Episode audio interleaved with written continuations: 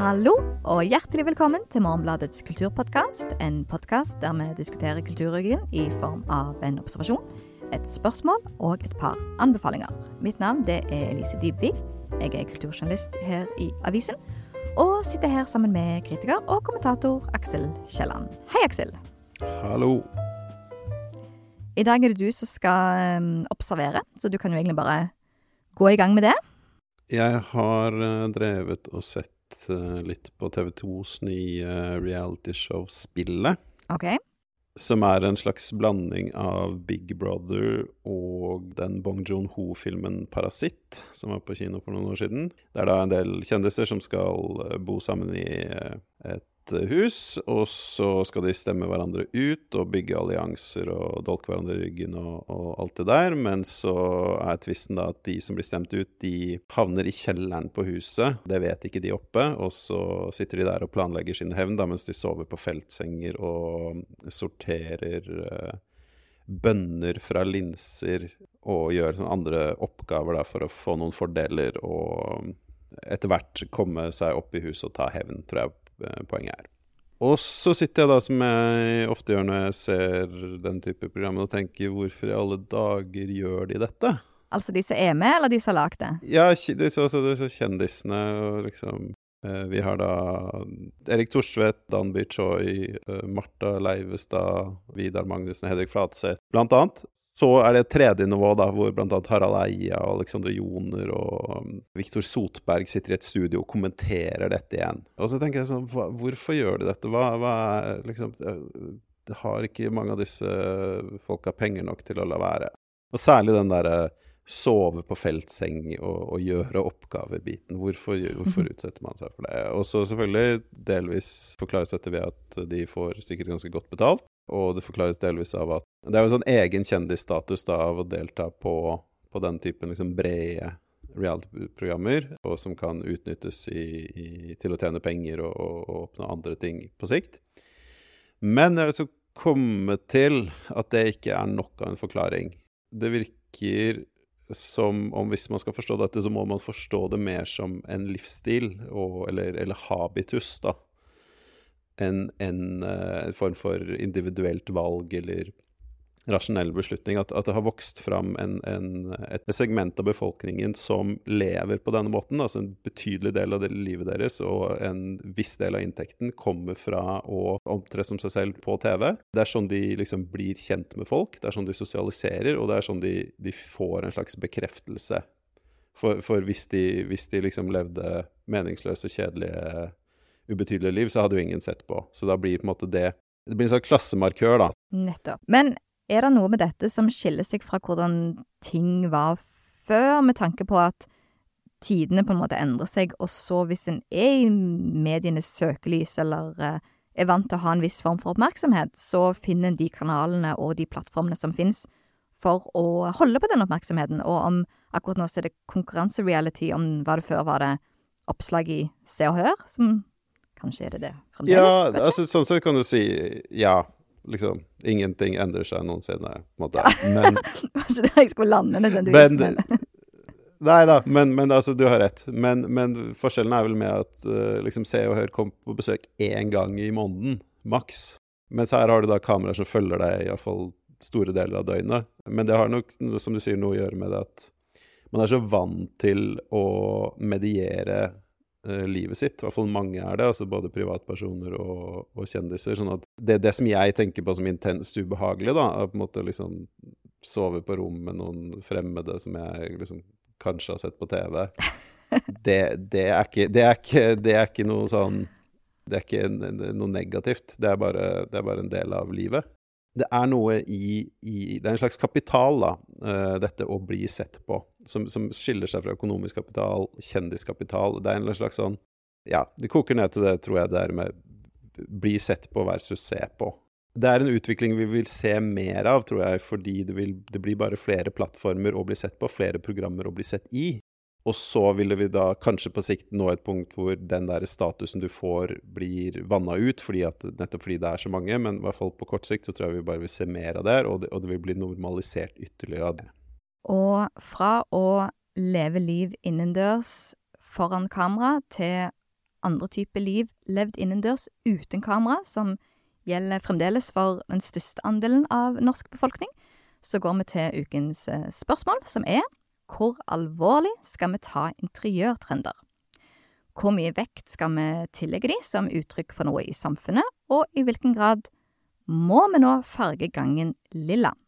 For i Aftenposten her forleden så kunne en lese at eh, farger, myke tekstiler og personlige gjenstander er tilbake. Og eh, videre at det er en renessanse for familiebilder, håndlaga keramikk, broderte bilder, blomstertapeter, grønne planter og kvister inne. Den siste delen der. Opplysningen syns jeg er litt løgn. Og, eh, men det er jo ikke bare i Aftenposten. Overalt der det snakkes om å skrives om interiør, så males det nå et bilde av at vi er ferdig med 30 år med hvitt og grått og minimalistisk og beige. Denne utviklingen knagges gjerne på at vi lever i en urolig tid, godt eksemplifisert gjennom det en fargedesigner sa til tidligere nevnte Aftenposten-sak, at eh, behovet for kos og bestemors idyll handler om hvordan verden er i dag. Det er kaos på mange fronter samtidig, krig, høye renter, inflasjon, Donald Trump. Det handler om behovet for trygghet og å finne ro. De sitter veldig løst, de der forklaringene der, syns jeg, når, når det er snakk om uh... men, men, fortell, Aksel. Hva er, det, hva er, det, som skjer her? Jeg tror vi skal, før vi går på det, så skal vi etablere et par ting. Kanskje først og fremst at folk flest, i betydningen de fleste mennesker, ikke har så veldig sterke meninger om interiør, eh, og på en måte bare ønsker seg et presentabelt hjem. Så viser, altså Når de viser det fram, så viser de at de kan ta vare på seg selv og, og barna sine og sånn, hvis de har det. Det oppnås da lettest ved å gå i butikken og kjøpe det de har der. Måte, man velger det fineste fra Ikea eller det fineste fra Skeidar, eller hvor det nå er man går. Sånn at det der, altså dette er veldig trendbasert, både sånn i, i den forstand at folk plukker opp trender de ser i, i, magasiner og sosiale medier og den type ting, men også det at utvalget i butikken er veldig trendbasert, så ofte så har du ikke så stort valg. Du må ta det som er gjeldende. Ja. Med mindre du har en egen sterk eh, oppfatning av ting. Mm. Ja, men selv da så, så, har du jo det utfordringen med at du må få tak i det du vil ha, og det kan jo være en veldig sånn omstendelig prosess, eh, altså, og, og, ikke minst dyrt. Altså Særlig hvis du skal få, hvis du skal få bygd noe, eh, men også hvis du skal liksom ha tak i noe gammelt, så vil det i hvert fall i de fleste tilfeller være tidkrevende. Og så tror jeg det andre poenget er at eh, den derre pendelen da, som nå åpenbart har svingt i retning eh, rot og farger, fra ryddighet og, og, hvite vegger, den svinger litt frem og tilbake. Og på en måte det er et tidsspørsmål.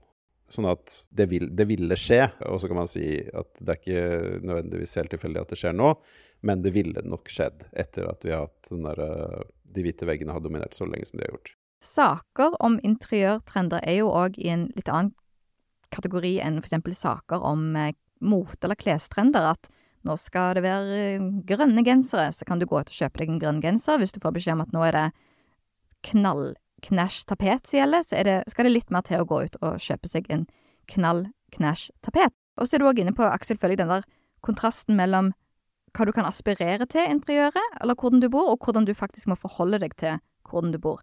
Mm. NRK hadde en liten kjapp sak nå denne uken der de spurte leserne hva er det som avgjør hvor du bor i landet? Er det jobbene du setter pris på? Er det naturen? Er det eh, gratis barnehage? Og så videre. Og så for eksempel eh, var det en kommentar her som var Elsker å flytte hjem til havet, fjellene, en Kristiansund i positiv blomstring og mengdevis med kultur. Og rett unna så står det noe. Fra ei sett Julia. Bor på et lite høl i en av Norges minste kommuner etter folketall, rett og slett fordi jeg ikke har noe annet valg. Jeg har verken klart å finne jobb eller rimelig bolig i byen.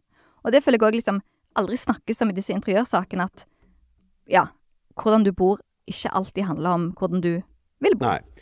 Og en sånn kjepphest som jeg liker å dra fram, og aldri syns jeg får nok gehør for, er at uh, jeg, har, jeg, har, som regel dratt den fram i forbindelse med arkitekturopprøret.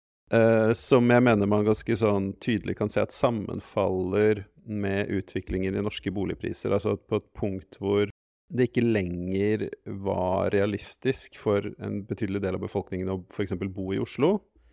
så fikk du denne oppblomstringen eller økte bevisstheten rundt gammeldags arkitektur. Og jeg tror mye av det skyldes at lenge var det å kjøpe en leilighet i byen, det var en så god investering at på en måte det var nok. Eh, når du da så på leiligheten din, så visste du at du hadde gjort det riktige. Du hadde kommet deg inn på markedet. Du hadde tatt steget liksom, opp på stigen. Uh, og heretter vil det gå deg godt. Og da, da, da gir du på en måte meninga at altså folk skal se Det du skal se når du er hjemme, er investeringsobjektet, altså selve leiligheten. Det er ikke nødvendigvis et hjem. Du skal videre. Altså, det har vært den der begeistringen for nye ting. Altså Her er det polert, her er det nyeste standard. Det er et veldig sånn bolig uh, selger, bolig-kjøper-perspektiv. Det er ikke et bo i boligen-perspektiv. Men så, eh, da eh, vi har hatt en utvikling hvor boligmarkedet både blir mer sånn åpenbart urettferdig og skjevfordelende, og øh, vi har hatt en nedgang i boligprisene, så er det ikke like lett å mønstre det der blikket på boligen som et investeringsobjekt. Du blir mer, altså Hvis du kjøper en bolig nå, så er det ikke nødvendigvis sikkert at du får solgt den for mye mer enn du kjøper den for. Sånn at da uh, blir du mer opptatt av å bo der, og da blir du mer opptatt av at det skal være hyggelig, er min uh, analyse der. Problemet med denne analysen, som jeg mener er veldig god i norsk kontekst, er at du ser de samme trendene veldig mange andre steder i andre land som ikke har den samme utviklingen på boligmarkedet. Kan det da skyldes pandemien, rett og slett? At alle var tvunget til å være hjemme og fikk en ny sans for at uh, oi, her er det ikke nok å bare ha hvite, pene vegger, jeg må òg like å se på den hvite, pine, Se på den hvite, pene veggen. Ja, eller male den til en farge jeg liker bedre å se på. Sant. Uh, jeg tror jo det, og så tror jeg uh, også en annen ting som spiller inn her, er fremveksten av Airbnb, hvor før så var det da Hvis du tenker på leiligheten som en sånn uh, kompetansebevis og, og statusobjekt, da, så kunne du vise fram et bilde av leiligheten din, så kunne folk se Oi, dette liksom, Da kunne man se på leiligheten som investeringsobjekt. Wow. Mens da Airbnb bringer inn dette at en annen måte å tjene penger på leiligheten er å leie den ut. Sånn at, men da vil du ha en leilighet som er hyggelig å bo i. sånn at når du skal vise fram et bilde av en Airbnb-leilighet, så, så, skal du ha et hyggelig hjem. Da skal man gjerne se mer liksom, møblene og, og særpreget og stemningen. Ikke et hotellrom? Nei, eller i hvert fall et, i så fall et veldig sånn hyggelig hotellrom, da.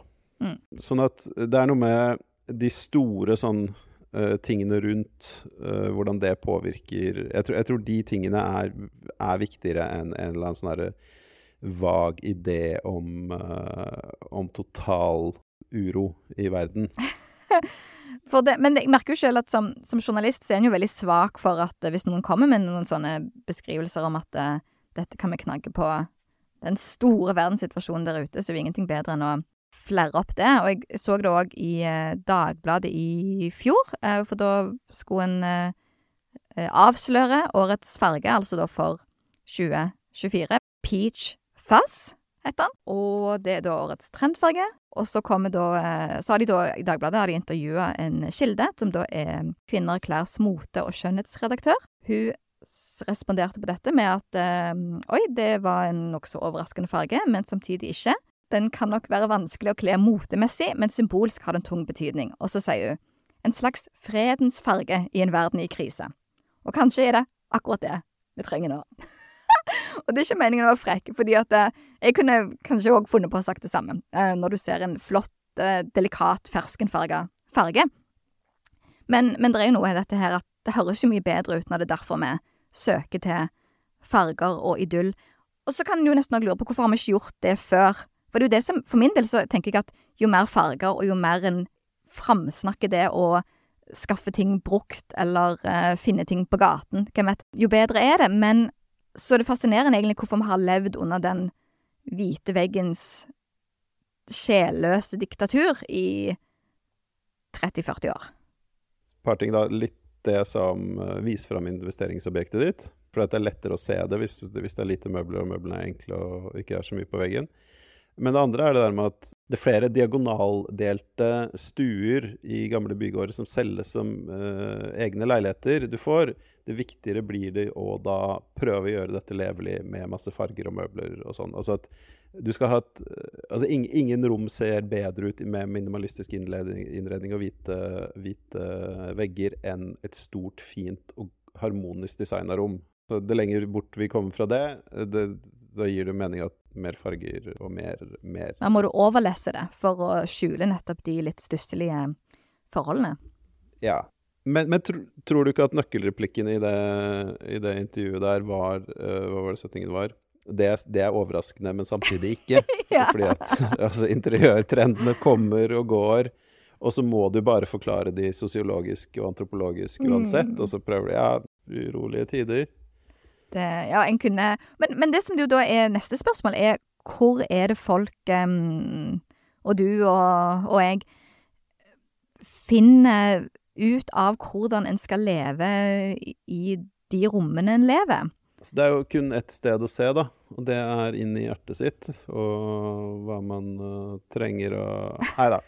Men altså Vi har jo delvis dansa litt rundt det nå. Men interiørjournalistikken er jo Altså selv sammenligna med motejournalistikk, som er notorisk eh, forbruksfremmende, så er jo eh, interiørjournalistikken er jo ganske sånn obskøn i det at den er jo ofte ikke engang forbrukerveiledende. Den er bare sånn Dette er uh, syv eh, eikegulv vi ikke kan leve uten denne høsten. Altså det er bare sånn her, her, er greien å kjøpe. Kjøp masse ting. Eh, mm. Ominnred hele huset ditt. Og det skal se, på denne måten her har du fire prisnivåer for denne tingen. Men bare gjør det. Kjøp, ominnred eh, endre livet ditt. Mm. Sånn at det er jo ikke på en måte hva skal man si, Den sosiologiske analysen og, maktkritikken står ikke veldig sterkt i, i interiørjournalistikken. Den står svakere der enn i på en måte, noe annet felt jeg kan tenke meg. Ja, for, for jeg føler i tillegg til disse om at nå er det Nå, er det, nå skal gardinene være fløyel så um, har du jo alle disse sakene som du gjerne da leser mer i aviser, om at uh, se Trine og Lars sitt uh, drømmehjem, og så blar du deg gjennom alle bildene, og så er det sånn wow, hvordan gikk dette til, og liksom hvem, hvor, hvem er disse, hvor, hvor, har de alle pengene fra? Og så uh, viser det seg at jo, nei, de fikk jo hjelp av en interiørarkitekt, og jo, det viser seg at de kom inn på boligmarkedet når de var 20 via foreldrene, og så gir alt mening, og så mm. føler en seg dum og teit som klikker på saken. For det er jo ingenting der en kan overføre til seg sjøl. Men du har OK, så du har liksom det mediesjangeren, interiørtrender og interiørinspo. Så du alt som skjer på sosiale medier og Pinterest, ikke minst. Men så spiller jo òg Rett før eh, vi starta innspillingen, så fortalte jo du, Aksel, om en gang du så en Woody Allen-film som ganske ung, og innvirkningen det interiøret i den filmen hadde på deg? Ja. Eh, det er da snakk om Manhattan Murder Mystery, eh, som jeg da Etter hva jeg kunne se? Jeg måtte ha sett den på kino sent 93, tidlig 94.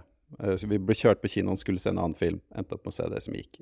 Men det viser seg jeg så, så, igjen på Manhattan Murder Mystery i går kveld at den, det, er en, det, er ikke en, klassisk Woody Allen-leilighet, og den er heller ikke så veldig fin. Det er mye det er mye vegg-til-vegg-teppe og, og beige-hvite beige toner der. Men, men, jeg tror jo det. Altså at uh, jeg, jeg, På en eller annen måte så tror jeg liksom min idé om en god, godt liv er veldig prega av den opplevelsen å se den leiligheten. Og på en måte Det man ikke er klar over som ung, da, og kanskje først blir klar over i voksen alder, er hvor dyre enkelte leiligheter på Manhattan er. Sånn at når du er liten, så ser du bare på en måte Du ser god plass og en eller annen litt sånn der uh, lavmælt, smakfull smak, da. Og så kom, blir man eldre, og så snakker man med folk som er derfra, og så innser man at dette er på en måte noe ingen Det er ikke innen rekkevidde for vanlig dødelige.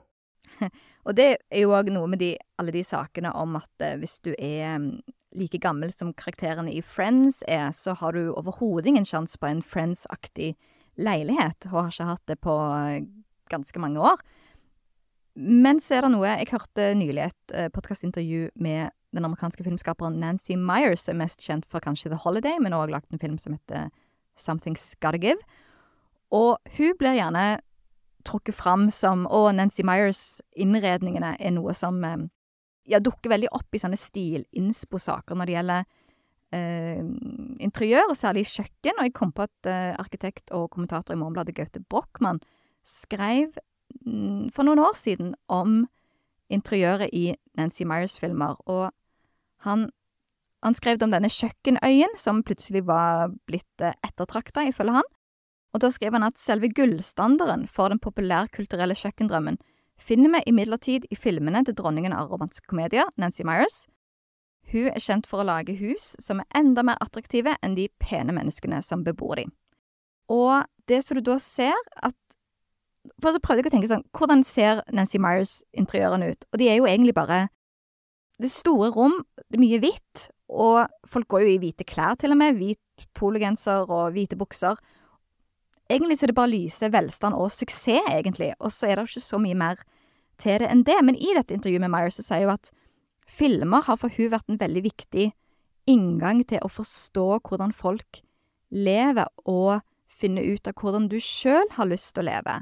Og så jeg, kom jeg over en artikkel i The New Yorker for noen år siden som trakk fram en dame som en kan kanskje si var liksom verdens første interiørarkitekt, interiørdesigner. En dame som het Elsie The Wolf, hun er født i 1859. Og nå tenker jeg, syns jeg det ble veldig interessant, for hun var egentlig skuespiller. Og så begynte jeg å lese sceneanvisningene til noen av Ibsen sine skuespill. I første akt av Et dukkehjem så står det for eksempel en hyggelig og smakfullt, men ikke kostbart innretta stue. Og så i Gjengangere åpner med en rommelig havestue. I midten av stuen et rundt bord med stoler omkring. På bordet ligger bøker, tidsskrifter og aviser. Og så det som er på en måte kanskje det gøyeste, men det har ikke så mye med interiør å gjøre. Gjennom glassveggen skimtes et dystert fjordlandskap, sløret av en jevn regn. Her, eh, her skal det skje triste ting. Men, um, men igjen det der med at hvordan teater Er analysen da at ideen om et hjem som sier noe om deg, kommer fra teatret? Ja, perfekt oppsummert. Det, ja, for det er noe med det, derre det er jo en sånn Vi snakka litt om det i denne episoden om vibes, at veldig mye av innholdet på sosiale medier er på en måte Noen har lyst til å danse, og så bruker de trendbegreper og sånn for, for, å rettferdiggjøre det. Og med interiør så får jeg veldig opp følelsen av at folk har bare lyst til å vise disse bildene. Folk har lyst til å vise frem, vise frem, ta bilder. Og uh, gjerne også da liksom video, sånn som du sier, uh, hun var skuespiller, hun uh, The Wolf. Altså, da har du en sans for ikke bare, ikke bare det visuelle, men også liksom, si, dramaturgien i mm. interiøret. Mm. Hvordan du beveger deg gjennom det og sånn. Og så blir da disse, disse, knaggene som liksom innspo og uttrykke deg selv og sånn, det blir bare påskudd for å gjøre dette. Og da tenker jeg det er noe fascinerende med å tenke på gjenstander i et rom som egentlig rekvisitter, eller som del av et scenebilde. Og da er en jo tilbake til denne ideen som, som har en litt sånn merkelig plass i interiør-trendsakene om at hjemmene skal være en forlengelse av hvem du er som person og personligheten din, samtidig som du gjør lurt i å følge med på hva som anses som godt interiør her og nå. Mm. Og så prøve å få de to til å gå opp på et eller annet vis. Ja, men så er det jo ikke noe rasjonell Det er jo ikke en rasjonell oppfordring. Det er jo på en måte bare se her, se her, se her, kjøp dette, kjøp dette, kjøp dette. Og så etterrasjonaliseres det inn igjen. Uh... Ja, hva skjer hvis du kjøper dette? Den blå vasen som eh, nå gjelder. Du får vel uttrykt deg selv litt, litt bedre, da. Og så har du det kanskje Er du litt mer i Jeg vet ikke, du lever i tiden? Eh, nei, jeg vet ikke. Eh, en ting jeg har uh, fascinert meg over det siste, er en sånn Instagram-fenomen hvor uh, unge menn som kanskje de skal vise frem uh, platehyllene sine eller en enkel nudelrett de slenger sammen. Så, så er det, eller, eller, en eller annen uh, ny jakke eller joggesko de har kjøpt. Det er måten de iscenesetter seg selv i hjemmet sitt, det involverer da ofte å tenne litt røkelse. For det har blitt en slags symbol for å liksom sånn være i rommet, da. Altså de liksom lener seg tilbake, og så tar de opp spillkontrollen sin, og så liksom sitter de der, og så er røkelsen, og så kan de liksom eh, eksistere foran kamera, da. Men at, at, røkelsen gir en eller annen sånn rommelighets- eller um, sanselighetsdimensjon eller tidsdimensjon, uh, et eller annet, til bildet. Det syns jeg er fascinerende. Ellers, helt til slutt, så kom jeg på den, den sterkeste interiøropplevelsen jeg har hatt. Den mest imponerende interiøropplevelsen jeg har hatt, var en gang jeg var på um, omvisning på Frimurlosjen i Oslo på Kulturnatta. Og ble vist det ritualrommet hvor de har en sånn uh, dagslyssimulator. Uh, hvor du kan gå fra, fra, soloppgang til solnedgang på veldig raskt. da. Og det var så helt vanvittig effektfullt. Altså, det, det, følelsen av det lyset var, det er noe av det mest imponerende jeg har sett. Huh. Så i den grad jeg har noen uh, aspirasjoner, da, så er det i den retning. Det var et uh, veldig fint sted å avslutte. Da uh, går vi på anbefalinger. Jeg har lest noen gode tegneserier siden sist. Jeg har lest uh, Al Colombias Amnesia 2 og Yoshikazu Ebisus I Wish I Was Stupid. Men den som er sånn noenlunde tilgjengelig for vanlige mennesker, altså i betydningen å få tak i i butikk, eh, mhm. er Tayo Matsumotos 'Tokyo These Days', som er eh, første bind i en ny serie om eh, en mangaredaktør som sier opp jobben, og hvordan det påvirker folkene rundt ham. Eh, Matsumoto er en av de største nålevende japanske tegneserieskaperne. Han lager tegneserier som ikke ser ut som det vi i Vesten assosierer med japanske tegneserier det, det, ser, det, ser, på en måte ganske vestlig ut, hvis man ser det. er liksom veldig sånn organisk, ofte delvis uh, naivistisk uh, strek. Men også en veldig dyktig forfatter. da Han får fram liksom, lavmælte menneskelige dramaer på, en, på, en veldig flott måte. På fredag så er det premiere på den første filmen i Dag Johan Haugeruds triologi, filmtriologi, som heter Sex. De to andre filmene heter Drømmer og kjærlighet og skal visstnok komme seinere i år. Jeg har sett denne filmen nå to og en halv gang i forbindelse med at jeg òg intervjuer den, og jeg tror det er sjelden jeg har Lenge siden jeg har sett en så En sånn film som du har lyst til å liksom få alle du kjenner til å gå og se. Den eh, var helt strålende på så mange måter. Jeg kunne gått inn på handlingen, men jeg skal heller bare bruke tid på noe som har litt med dagens hovedtema å gjøre, da. Fordi at i når jeg leste Jeg hørte på en podkast om eh, farger og det å male rom hjemme. Det var en episode i den podkasten heter Familieliv. Og da var det ei som jobber med å gi veilede på eh, fargefronten hos folk hjemme, som sa nettopp igjen mye av det vi har snakket om tidligere, at spesielt etter covid og krise på krise osv. osv., som gjør at vi begynner å få et veldig behov for å ta kontroll over små ting som vi faktisk kan styre i hverdagen vår. Og jeg tenkte, det er nok ikke sånn hun mener det, men det slo meg som det mest stusselige jeg noensinne hadde hørt. Verden er grusom, du kan ikke gjøre noen ting, men det du kan gjøre, du kan male vinduskarmen din grønn. Eh, det er i hvert fall noe som, som du kan gjøre helt uten komplikasjoner. Men derfor var det spesielt fint å se denne filmen til Haugerud, fordi at er det noe den argumenterer for, så er det at eh, du kan kanskje ikke akkurat kontrollere alltid, men du kan Du har i hvert fall veldig mye innvirkning på omgivelsene dine gjennom hvordan du er, og hvordan du snakker, og hvilke handlinger du gjør. Så det var et mye mer oppløftende og eh, hva skal si, nesten inspirerende budskap, om en skal være så direkte. Jeg har ikke sett Sex, men jeg har sett uh, de andre filmene til Haugerud. Han har jo i større grad enn uh, de fleste filmskapere en mann som da forteller via interiør. Uh, og, altså en sånn veldig nyanserike portretter av en sånn norsk uh, middelklasse der, da, i de husene hans og sånn. Bare hvilke møbler han bruker, hvilke, hvilke hus han bruker, og, og, hvordan folk liksom sitter i de. Så det er jo et eksempel på Helt sant. Og i denne filmen, uh, Sex, så er det Du blir med inn i noen norske hjem, og uh, der er, det, der er det bare hvitt. De har ikke fått med seg at det, det farges gjelder. Kanskje vi kan si, skylde på at hvis filmen ble spilt inn i fjor, eller noe sånt, så er det derfor. Men uh, der er det òg faktisk en egen scene der bare kameraet langsomt beveger seg over kjøkkenbenken, og du får se liksom hva de krydder Eller Liksom urtene de dyrker, og kokebøkene de har oppe, og en, en banan som ligger halvspist på, en, på et skjærebrett.